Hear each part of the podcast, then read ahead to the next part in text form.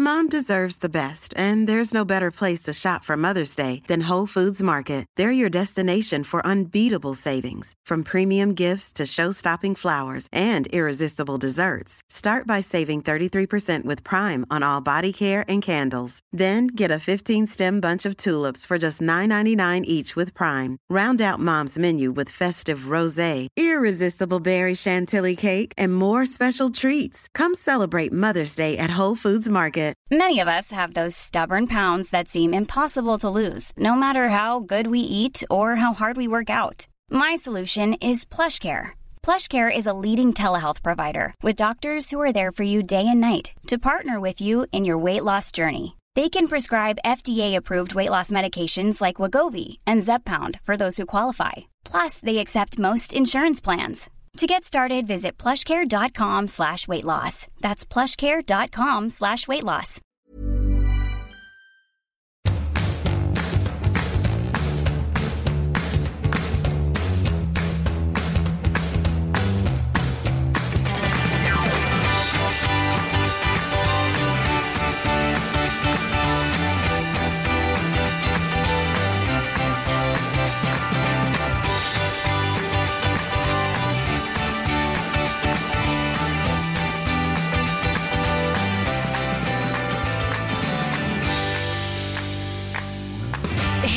Och välkomna till Lille Lördag. En lyckan och glädjens podd men också en eh, all, allvarets och eftertänksamhetens podd emellanåt. Absolut. Mm.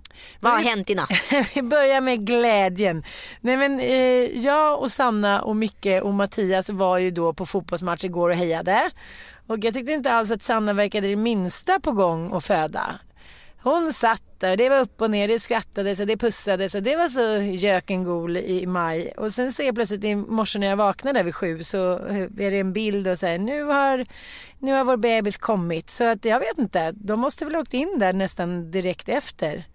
Eller det kan ju ha gått på 40 minuter i och för sig. Men så ja, gullig bild. Fjärde barnet, då går det väl fort. Ja, och jag berättade det för dig när vi träffades och käkade frukost i morse att de var så himla gulliga igår. Och Ja. att jag tänkte så här, gud, det är ändå så himla fint när man har så här stått bredvid i så många år. Det har ju verkligen varit upp och ner minst sagt. Och nu är det de som sitter där och kelar och gosar och pussas och man känner sig själv som så här världens tråkigaste par där bakom. Så jag så här, tog Mattias hand lite så här, ah, håll på mitt ben nu, håll på mitt ben. Men jag är så jävla glad för deras skull. Det är så här, ja, det har varit många år, kanske onödiga år. Varit Mycket skit. Men nu sitter de där med sin lilla guldklimp och är faktiskt jävligt lyckliga. Grattis Micke och Sanna! Ja, grattis, grattis. Åh, så gullig liten fågelbebis. Det är ändå roligt det där när mammor börjar ha så himla rutin på så här graviditeter och liksom hur ostressad man är barn två, tre, fyra jämfört med barn ett för då är man ju en hysterika. Helt hysterika. Och vet du, jag tänkte på det helt allvarligt när jag födde eh, Ossian när det tog ju 30 timmar som jag stod och knep. Ja, du, gången jag förstod, du förstod enda gången du knipit i ditt liv. Nej men det var det där med moderkakan. Jag tänkte så här, allt flyter ju, alltså allt åker ut i en enda lång liksom fors bara. Ja, nej, nej, det kommer efter. Och... Det gjorde ondare tyckte jag. När de tryckte Nej. ut den där jävla moderkakan. Särskilt med Elon, det var den största moderkakan de hade sett någonsin på Danderyds sjukhus. Det var så här. "Åh!" De kommer från olika avdelningar som flögs in. De är olika- helt moderkaksbesatta också på sjukhus. Min, min eh, syster, jag fick ju kejsarsnitt med Penny. Då sa jag, jag måste få se moderkakan. Jag måste få se moderkakan. Vill du det?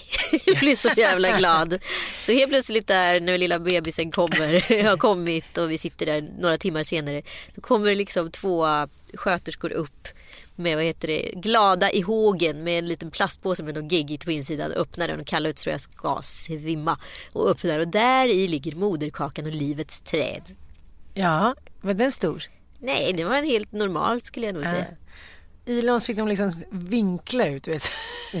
Nej men det var helt absurt. Men så vägde han ju också 4,6 och var 60 centimeter lång. Men nu måste du skoja med mig. Nej, du, alltså, du förstår inte. Jag var en fågelskrämma. Jag vägde tre kilo. Han hade ätit upp allt. Blek, anemisk, mörka ringar under ögonen. Och folk tittade på mig som så här, det är inte möjligt att den där kroppen kan ha den där kulan. Alla trodde att det var tvillingar. Det var Ilon. Men han är ju fortfarande jättestor. Ja, mammas tiger. Mammas tiger. Åh, han är så jobbig just nu. Åh, så tonårig. Äh, mamma! Vet, den här rösten som man känner såhär, nej. Får jag höra den där rösten en gång till, då kommer jag kasta ut dem genom fönstret. Det kommer ju inte gå. Men kläder, kalsonger. Oh. Och sen så blir han lite vek. Blir du lite så här, blir du mammas poje? Nej, du, Ma- jag blir tokig på honom. Mammas slav. Ja, så ringer han och säger, var är du någonstans? Jag är hungrig. så det är riktigt jobbigt. Och Grå, så, grottpojke. ja, och så jättegullig också. såklart, Ja. Däremellan.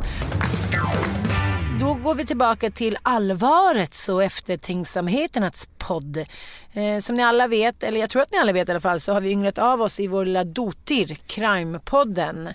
Och eh, det är såklart när man tar upp svenska framförallt, eh, brott, eh, bestialiska, hemska så finns det ju alltid brottsoffrens anhöriga som lever kvar med smärtan och sorgen och minnena av kanske inte riktigt veta vad som hänt eller veta vad som har hänt och eh, ja, ridas av dessa mardrömmar som det måste vara. Ja, och liksom en del utav brottet i sig är ju att brottet är offentligt. Alltså man all, det är ju allas brott, allas tillgång på något sätt.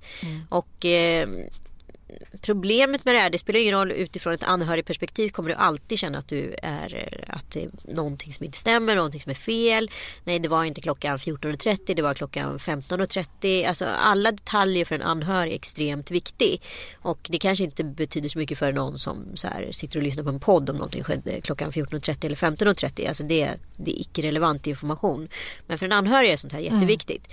Men som vi har sagt hela tiden, det är nämligen så att Karina Höglund, alltså Englas mamma, har skrivit en debattartikel om just våran podd. Tillsammans med med- andra crime-poddar men det är vi som är liksom i Ja, men hon har fokus. skrivit en eh, med två andra. Ja, Emma Men- Jagnestig och Sofie Hedman som är eh, syster till eh, Pernilla. Som blev mördad av Anders Eklund. Ja. Ehm, vi kontaktade Karina Höglund eh, för att prata om Engla och hon ville inte vara med utifrån ett anhörigperspektiv och vi är kompisar på Facebook precis som jag är med Emma Jagnestig och vi har haft liksom eh, jag hade jätte, ett jätte, jättebra samtal med Emma och hon, jag frågade henne om hon ville godkänna podden, om hon ville godkänna sina citat, om det var något hon var obekväm och så vidare. Det var hon inte och sen kom podden och jag har för mig att hon till och med har likat den på Facebook. Och sen så kom, eh, hon har inte unfriendat eller någonting utan vi är kompisar där. Sen så vet jag, hörde jag mig till Karina och då ville inte hon vara med utifrån anhörigperspektivet och vi respekterade det. Och sen så hörde Sol Höglund av sig och ville vara med om en, i en änglapodd och då tackade vi nej utifrån Karinas perspektiv eh, på det. Eh, och sen så skrev Karina som vi egentligen inte riktigt har haft en podd om en debattartikel om oss i Aftonbladet där vi tar upp ett förhör som är en offentlig Ja, offentligt publicerat på Youtube och används i flera liksom, tv-program och andra poddar där han erkänner mordet på Pernilla. Alltså, det- och sen så intervjuade vi Leif som var då eh, chef för den enheten där. Ansvarig för utredningen Ja, i många för- år. ja. Och eh, det var ju inte så att vi eh, liksom klappade honom medhårs utan flera av frågorna handlade ju om hur, hur det kunde ta så lång tid innan eh, man hittade ja, Pernillas och Englas mördare. Det var ju lite klapp och klang arbete där emellanåt. Absolut. Enligt pressen. Det kan ju inte vi uttala oss om. Det kan inte vi uttala oss om och enligt eh, Leif så var det att de var underbemannade. Ja det kan väl vara en landsbygdsaspekt. Ja men de anklagar oss för att, så här, att vi dels har en massa faktafel och det kan vi bara beklaga. Alltså all fakta som vi lutar oss på det är sånt som redan är publicerat i kvällspress eller dagspress och så vidare. Det här är ju ett problem eftersom eh, vi läser ju massa artiklar och eh, lyssnar på poddar och tv-inslag. Och det är ju olika information i många utav liksom eh, mediernas rapportering. Så att det är ju inte jätteenkelt också att veta exakt vad som är korrekt. Nej. Eh, Det kanske vi är ansvariga för att ta reda på men och blir väldigt ledsna om det har blivit något faktafel. Men vi har ju lutat oss mot den faktan som redan finns eftersom vi också inte är experter, vilket som vi understryker inför varje podd, under varje podd och efter varje podd. Att vi är helt enkelt två kvinnor som är intresserade av crime, liksom många andra i det här landet. Och det som jag tror har gjort att de här eh, kvinnorna, mammorna, systrarna har blivit upprörda är just det att vi Ja, Vi är kvinnor. Vi är kvinnor, vi gör Crimepodden ur ett kvinnoperspektiv. Vi lägger in egna värderingar och känslor och tankar och eh, det är det som har upprört jag tycker det här är svårt för att eh, det finns jättemånga crime-poddar som lägger upp sina poddar på ett helt annat sätt. Mycket mer effektivt dramatiserande med musik. Med... Och med ljudeffekter för att få det liksom mm. återskapa någon typ av brottsplatsscenario. Det gör inte vi utan mm. vi pratar om liksom, fallet relativt kliniskt utifrån undersökningens perspektiv och pratar om det eh, utifrån ett kvinnoperspektiv där vi diskuterar männen i, i sammanhanget som har kanske varit mördare eller om kvinnorna har mördat. Mm.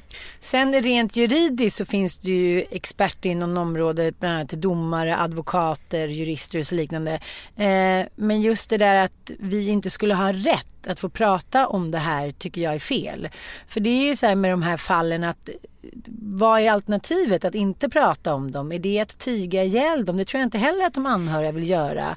Jag vet inte, här är det ju liksom ett moraliskt dilemma. Får man prata om de här brotten eller inte och vem har rätten att göra det? Mm. Men, men rent moraliskt sett så är det ju svårt för oss att överhuvudtaget tycka till eftersom det är de anhöriga som har rätten på sin sida att få uttala sig. Men samtidigt så är det ju så eh, men, vi tyckte att det här är såklart och tycker att det är jättejobbigt och känner oss jätteledsna. Så vi har ju pratat med flera experter på ämnet och eh, jag menar vänner man litar på, journalister och så här, men gud vi kanske måste sluta med podden då om, om, om det blir såna här reaktioner. Men de reaktionerna har inte jag fått tillbaka av de här kanske man ska säga mer juridiska människorna utan de säger så här, det här är ju vare sig man vill eller inte efterföljderna av ett offentligt brott. Mm. Att människor blir intresserade och vill prata om det. Och det är också på något sätt hamnar ju i vår liksom folksjäl. Och sen är det då femårsjubileum, förlåt. Sen är det då fem år sedan någonting hände, eller tio år sedan eller 20 år sedan och sen så, ja, så pratar man om det här igen och det blir uppmärksammat och jag förstår att såren rivs upp. Såklart. Eh, men det vi har beslutat i alla fall efter ja, eh, mycket mycket funderande och pratande och diskuterande efter helgen är att vi fortsätter med podden. Och vi har också bjudit in vad heter Emma Jagnestig, Karina Höglund och Sofie Hedman till nästa crime-podd. Crime och så får vi hoppas på att de eh, väljer att vara med.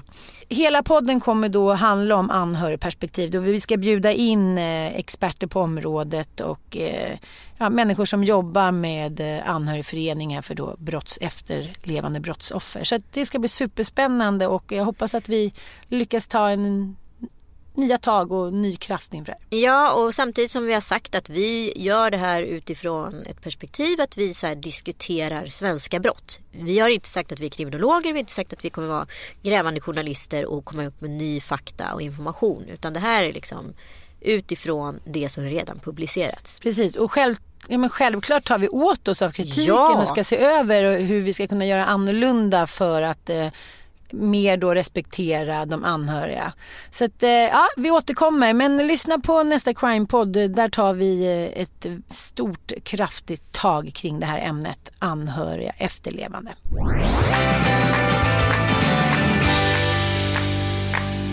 Ja, annars då?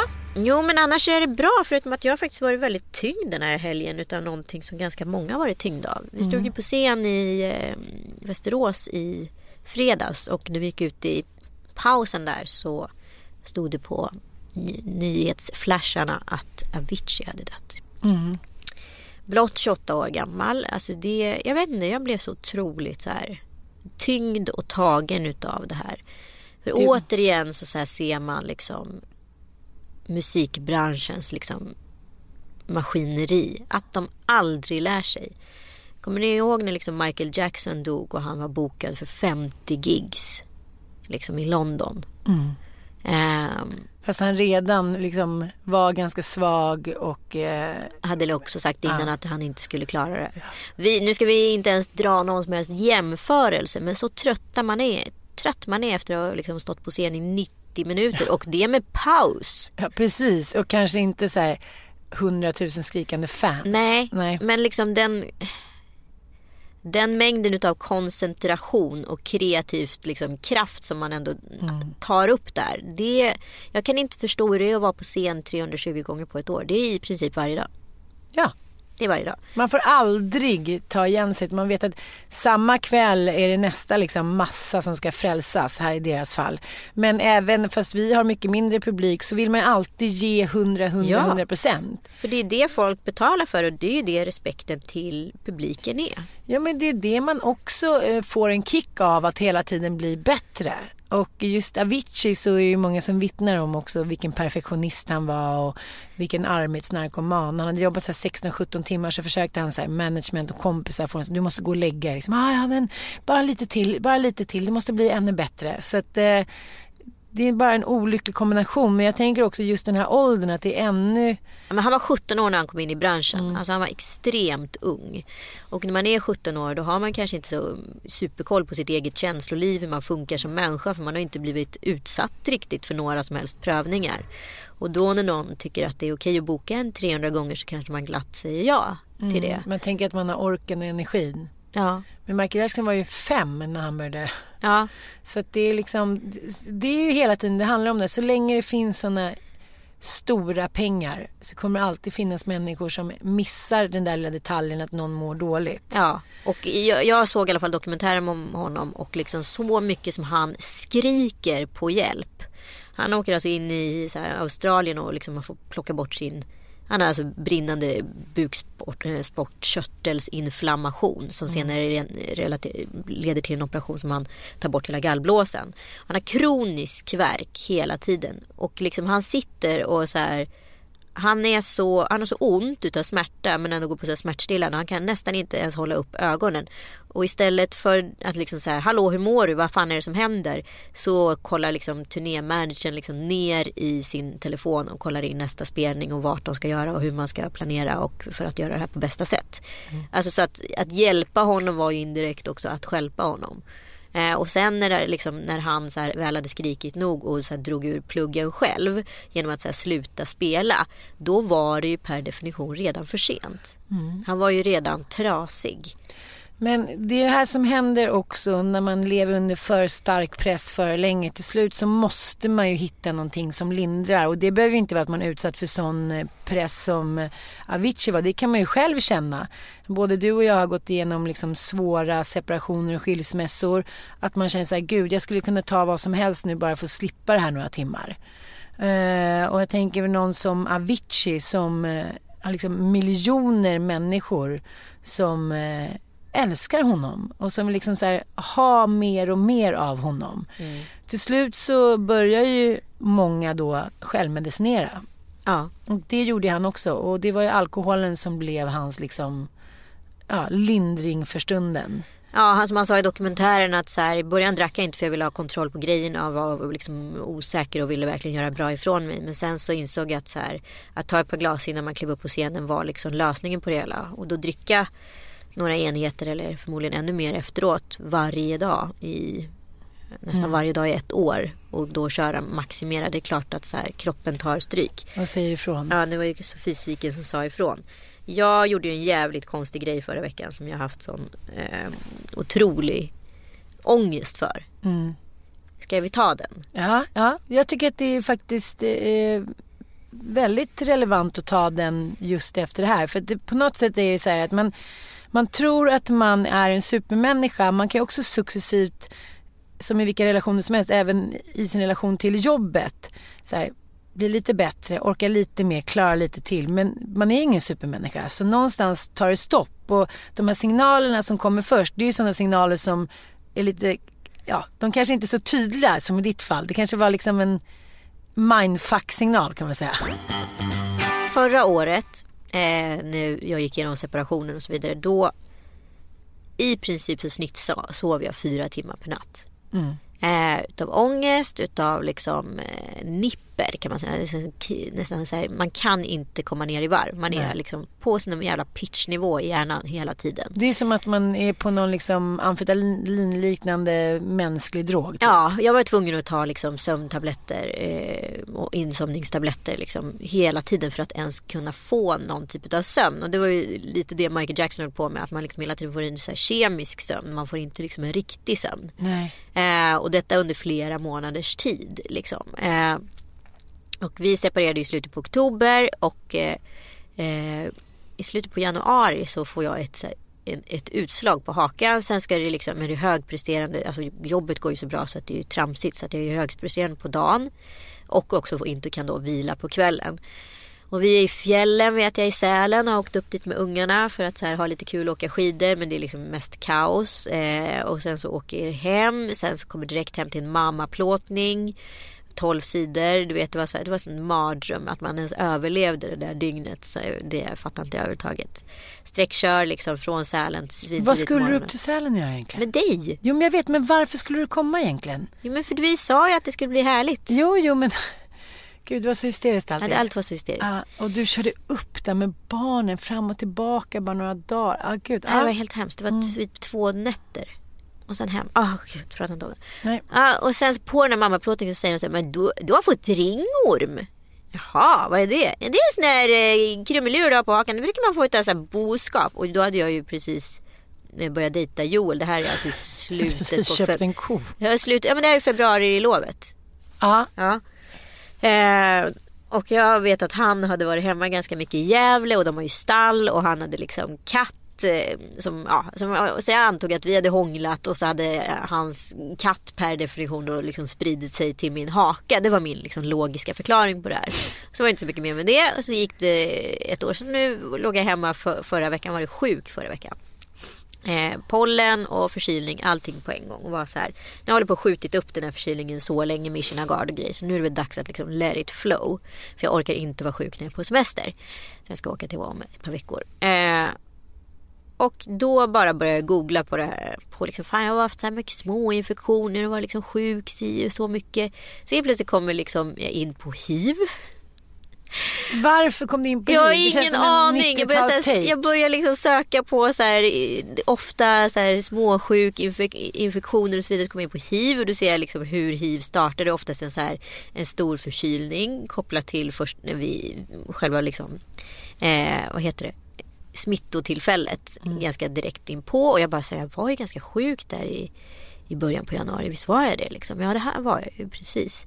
Eh, ja, och ofta så efter, det som kroppen då skickar ut efteråt det är en, så här, ja, en svampinfektion i form av en ringorm. Jag bryter ihop. Jag är alltså vid det här laget övertygad på att jag har hiv. Så jag fortsätter googla ringorm, hiv och hittar liksom korrelationerna åt båda hållen. Ringorm kopplat till hiv och hiv kopplat till ringorm och så vidare. Får som panik, åker ner till liksom en mottagning i stan. Ljuger för Joel att jag ska iväg och spela in en ljudspot så här, ringer Andreas Lundstedt på vägen gråtande. Så bara, jag har hiv, jag vet inte vad jag ska göra. Man får så här snabb hiv-prov liksom, på tio minuter. Vilket kanske var de värsta tio minuterna i mitt liv.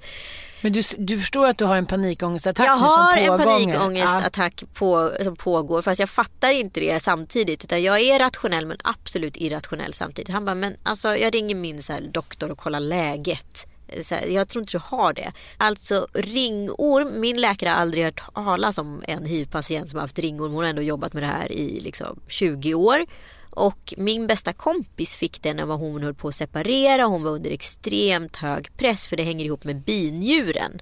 Jag bara jaha, och så började jag liksom googla ringorm och liksom stress och då kom ju det upp som topp ett. Gjorde det? Ja, så det har inte alls någonting med Joel och hans jävla katt att göra utan det handlar ju om att jag var under extrem stress. Jag måste kolla, hur ser det ut? Ringormen? Men den ser ut som en liten rund ring liksom på och det är en svampinfektion som går bort liksom efter bara vanlig sån här svamp.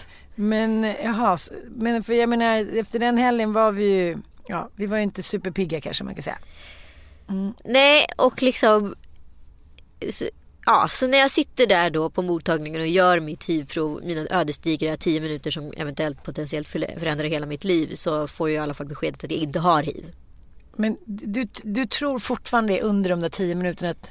Det kommer bli ja. ja. För jag tyckte det där var så intressant för när jag vikarierade för Titti Schultz på P5 med Farsa då pratade vi om det där om man skulle få reda på att man hade fått hiv. För det var en dom som eh, blev fastställd för två veckor sedan att det var en eh, kille som hade haft hiv och eh, hade blivit då stämd men inte behövde betala skadestånd. För att eh, nu så dör man ju inte, man, man kan ju leva med sin ja, hiv. Precis. Och då sa både Farsad och jag som är uppväxta liksom på 80 90-talet att om vi skulle fått veta att vi hade hiv, då skulle vi tänka att livet var över. För vi är så djupt inrotade och manglade i känslan av att så här, hiv, ond bråd död, stora blåa fläckar Ja, nej, jag ändå liksom stigmatisering, utkanten. Alltså så, här, ja. så då skulle vi ändå tänka att vi skulle dö. Nej, men jag är liksom, där var jag lite luttrad i och med att jag har kompisar som har hiv eh, och så och ser vilket härligt liv de har. Men det som var liksom den stora ångesten och skammen det var att jag skulle behöva komma hem till Joel och berätta detta. Förstöra vårt förhållande, liksom skapa, behöva berätta det för barnen och sådana saker. Men varför är du så säker på att ert förhållande inte skulle hålla för? Det vet jag inte men det var ju så jag såg det framför mig. Alltså ja. indirekt så har jag ju förstört hans liv också. Och då betyder det att vi kanske måste vara ihop och så kommer vi hata varandra Ja men du vet Dramaten i huvudet. Ja, Sen ringde min kompis med skådis och berättade om detta direkt efteråt. Hon var så här, men alltså så där får man ju liksom när man är så högpresterande som du är och liksom det här när du då väl tillåter dig själv att slappna av. En timme. Ja, då kommer de här vansinnestankarna. Och nu ska jag inte dra någon parallell till Avicii men jag kan förstå att det är lätt att bli galen. Det vi inte vill prata om i det här högpresterande eh, samhället som vi bor i, eh, i alla fall i den moderna världen, är ju att ingen människa eh, klarar av att leva under stark press en längre tid. Nej. Eh, det liksom påminner om att här, leva under krigsdrabbande former. Att så här, hela tiden vara på gång, högprestera, finnas där, ta hand om barn, ta hand om sig själv, eh, vara rolig, härlig. Och nu när vi är ute på turné så är det ju så att vi måste ju vara högpresterande inför vår publik. Annars är det ju ingen idé att vi gör det här. Nej men det är ingen anledning överhuvudtaget. Och eh, man, man har ju inte sett liksom tillbaka till musikbranschen och man ser liksom hela tiden, alltså historiskt har ju hur många offer som helst skördats mm. i den här världen. Och jag blir ändå så fascinerad att de aldrig lär sig. Vi har liksom sett Britney fall down och hela världen har liksom använt de här bilderna på henne när hon liksom tappar det totalt som någon typ av så här, hån och skratt eh, mm. memes liksom.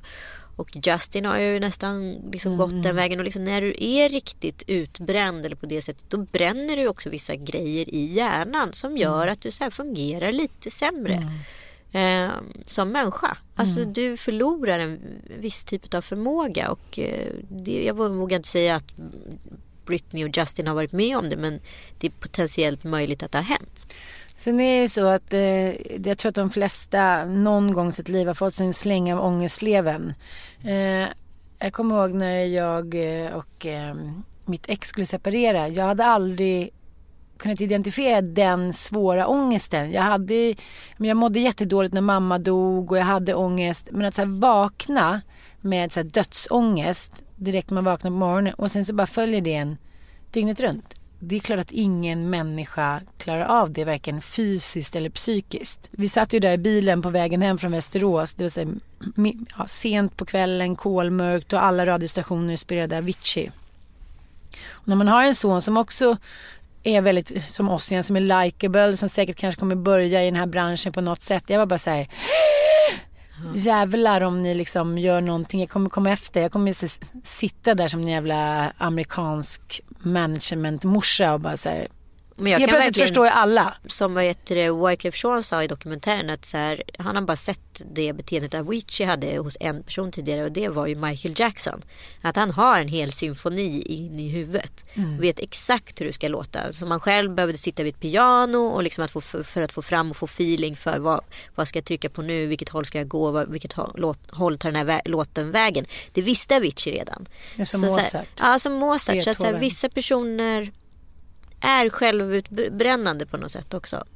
För bra för den här världen. För bra för den här världen.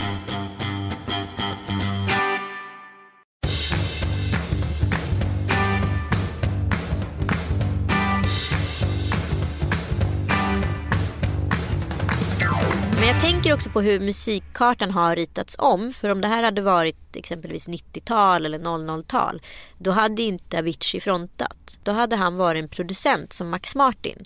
Då hade mm. artisten som sjunger Hey Brother eh, varit den som hade varit stjärna.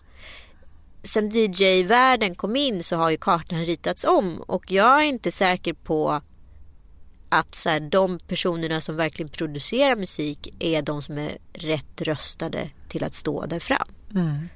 Han tror jag hade mått mycket bättre av att här, sitta och knacka upp lite låtar på kammaren framför datorn och sen så låta någon annan liksom, ta credden för dem. Det tror jag han hade mått väldigt mycket bättre av. Men det här drabbar ju jättemånga, både skådisar och ja, alla som på något sätt är offentliga står på scen.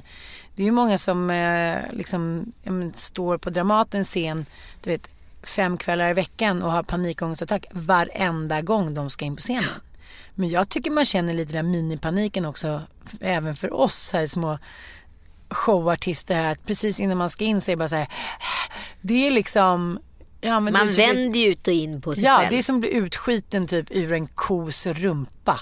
Och ligga där i dyngan och bara så här, som en fågel Fenix resa sig. Och, och har det gått bra så är man ju helt euforisk och lycklig och vill fira på något sätt. Och eh, har det gått mindre bra så är man ju så här full av självförakt eller vill skylla på publiken eller på lokalen. Det är liksom, det är en tuff värld. Verkligen. Ja, men jag känner så här, vi måste också våga prata om den här psykiska ohälsan. Vi, det är ju enklare nu än bara för fem år sedan. Och att män kan våga så här, erkänna att de känner sig svaga och mår dåligt. Att det syns lite mer, mer i offentligheten kan ju bero på just att så här, ja, men killar som Avicii och liknande så här, säger att de mår dåligt. Men fortfarande tror jag inte ens att 80 och 90-talisterna har fått verktygen för att vara svaga män med känslor. Eh, Nej det är ju en ny generation. Alltså, Ja. Det är 90-talisterna det börjar med att man vågar säga så här, skrika. Men samtidigt så här, de personerna runt om Avicii var ju mycket äldre. Mm. Eller kanske själva ganska så här, "Ja, okej jag fokuserar på mitt eget, det är jobbigt att han pratar känslor. Eh, kan vi bara liksom. Precis, För det är också, telefonen Ja lite. men också har du en så här en australiensisk eller en amerikansk tour manager. Eh, då vet inte han hur han ska hantera en svensk som mår dåligt. Nej. Alltså så här, okej, what am I supposed- he said- he said- om det hade varit en kvinna med som på hans turné, som hade varit turnéledare, hade det varit en skillnad? Ja, jag tror det. Mm. Men jag tänker så att man har ändå ett kollektivt ansvar för att så här, fånga upp Ja. alla människor. Det blir jävligt tydligt nu tycker jag. Verkligen. Och jag hoppas verkligen att så här, fan att musikbranschen lärt sig något av det här.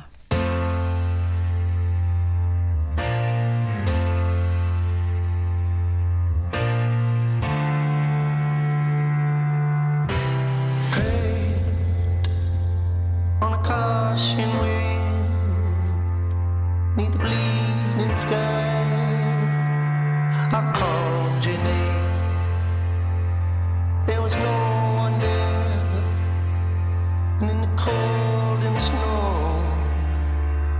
saw your face. And we sang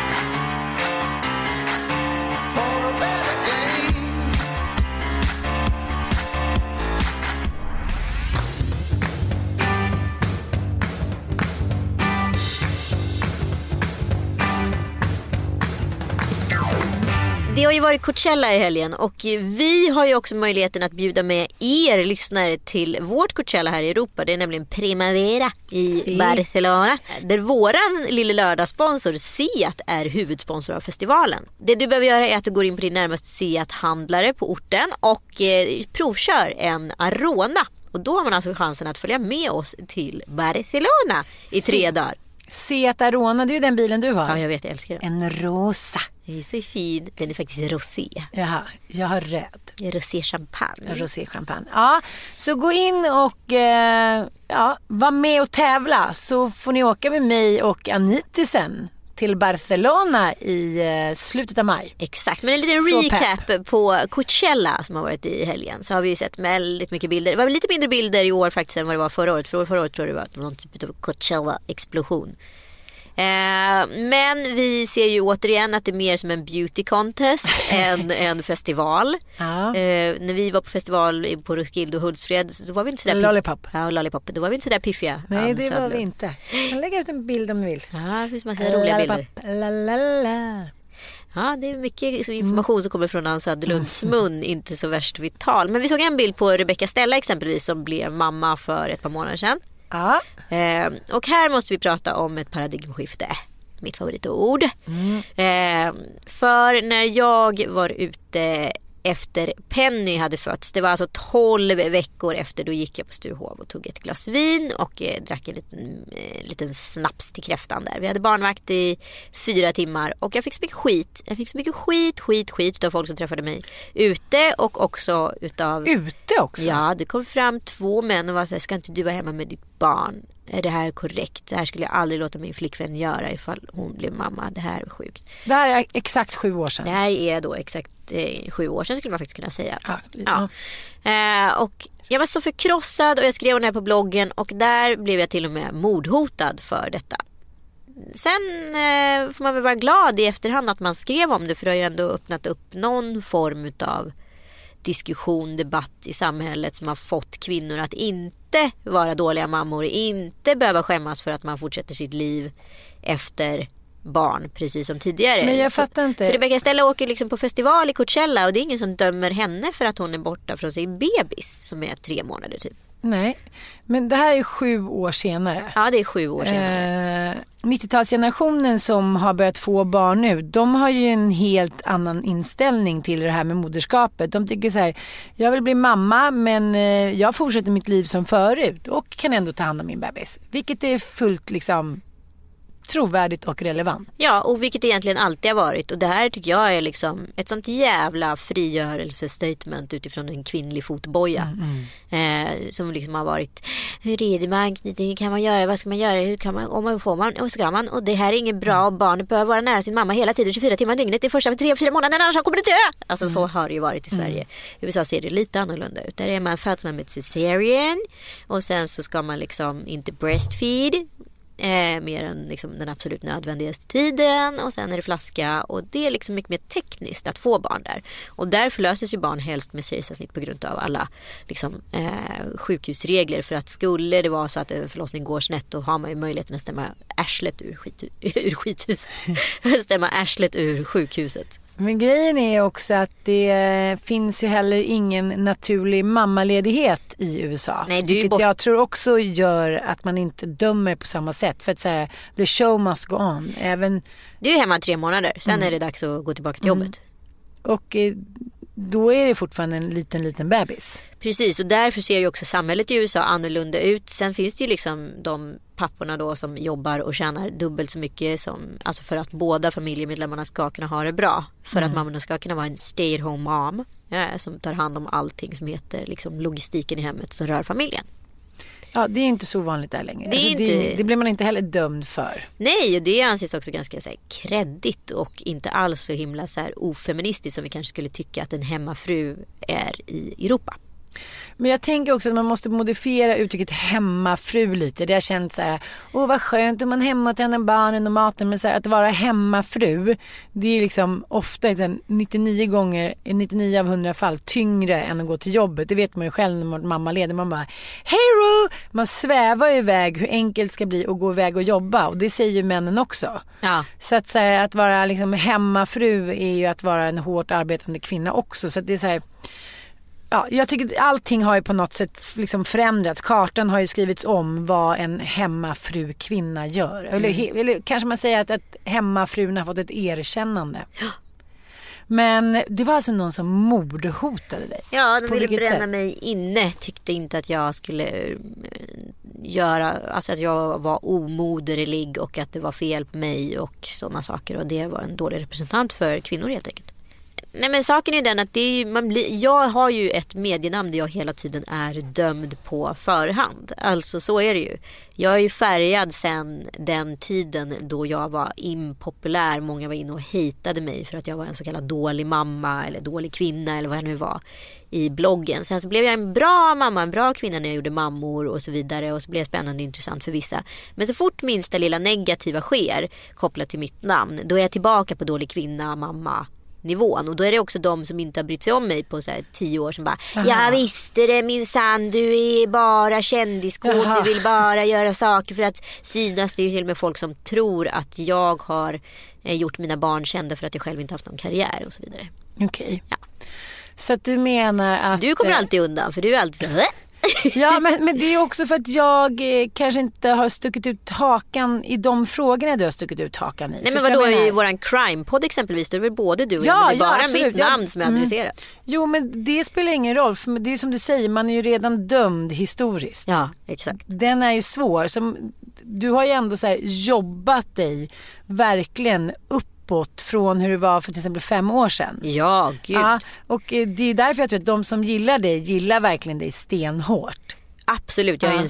En superfanbase där Ja, ute som som är så här hardcore. Ja. Och sen är det de som är så här, "Åh, in och ut, in och ut, gilla, men och kanske, nej, mm, mm. Och när det kommer då någonting Ja men det är ju här, kappvändar likability. Då bara så här, haha, nu får jag uttrycka mig igen. De vill vara liksom förmanande stora systrar på något sätt. Ja precis, jag ska trycka till när det liksom så här, när det, nu passar det Vad bra var det jag sa Ja. där förut? Mm. Ja, men jag skrev ett inlägg om Avicii. Jag brukar aldrig ens eh, skriva någonting när någon eh, går bort. För jag Nej. tycker att det kan bli, lätt bli lite pekoral. Du frågade liksom. ju faktiskt om Jag det här var frågade. bra. Jag tyckte att det var bra. Ja men grejen är ju så här att man, när jag vet att jag skriver någonting och tar en ställning i sociala medier då får jag oftast mer skit än positivt. Liksom. Så därför tar jag inte ställning längre i sociala medier. Och nu gjorde jag det och skrev så här var oroad och bekymrad över honom. Och då blev vet, folk såklart jätteoroade och arga på det här. Eh, och så var det någon som var så här direkt så här, "Ja, har ni sett vad Englas mamma tycker om Anita? Ja, här ser man att hon är ond. Och då, Ja, ja, det var ju liksom, den var så irrelevant den kommentaren så att så här, den tog jag bort liksom. Men du har ju också, eh, du har ändå fått 6741 likes och 111 kommentarer och merparten är ju jättepositiva. Så man Ja. kan ju inte heller sitta och... Absolut. Ja, men du, du vill ju också vara en liksom vattendelare man ska säga. Du vill ju inte bara ha en liksom medhårs fanbase. Så att så här, Fast jag är ingen debattör i sociala medier längre. Nej, nej, Just på nej. grund av att jag är färgad från den tiden som verkligen höll på att alltså, bränna ut mig. Där Mm. man kände så här, vad är detta? Det här är helt syftningslöst. Den Mm. enda som skadas av det här är jag själv. Och där kommer vi på ett snyggt sätt in på sista ämnet i podden. Nämligen att eh, det har uppstått en ny typ av depression bland ungdomar.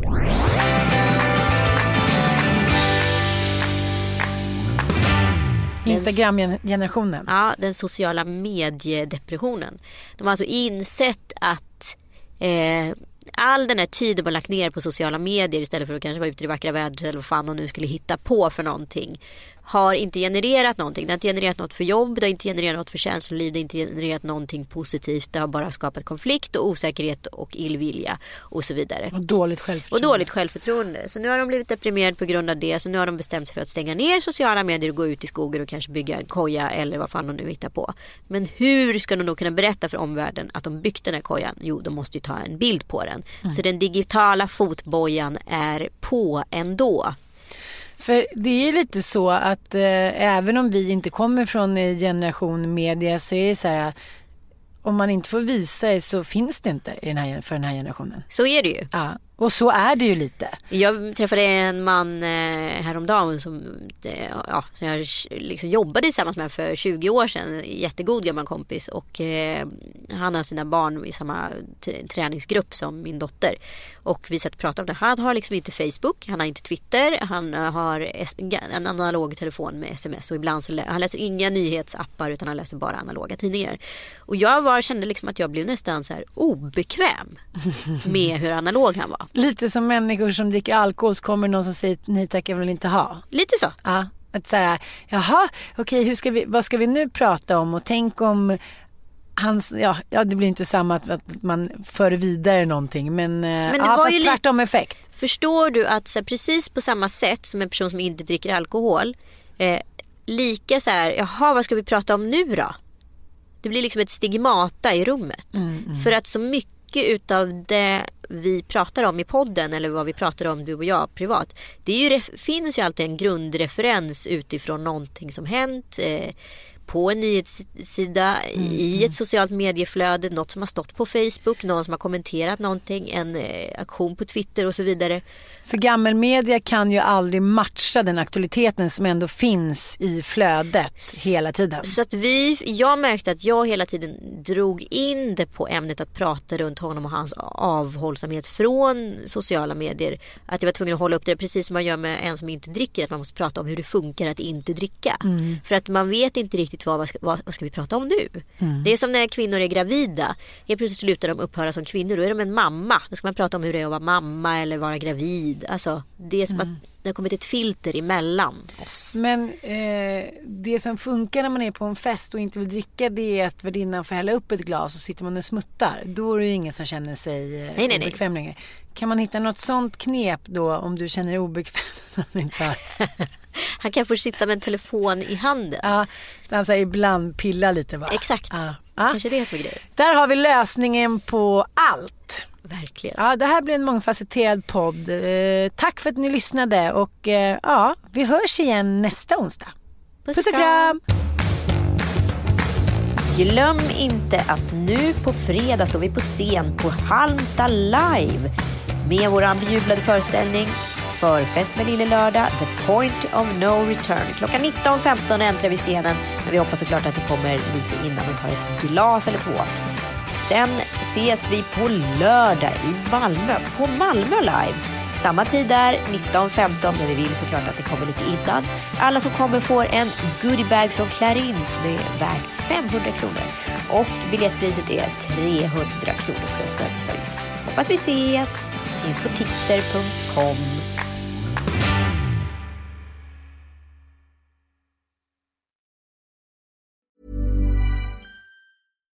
Here's a cool fact a crocodile can't stick out its tongue. Another cool fact you can get short term health insurance for a month or just under a year in some states. United Healthcare short term insurance plans are designed for people who are between jobs, coming off their parents' plan, or turning a side hustle into a full time gig. Underwritten by Golden Rule Insurance Company, they offer flexible, budget friendly coverage with access to a nationwide network of doctors and hospitals. Get more cool facts about United Healthcare short term plans at uh1.com.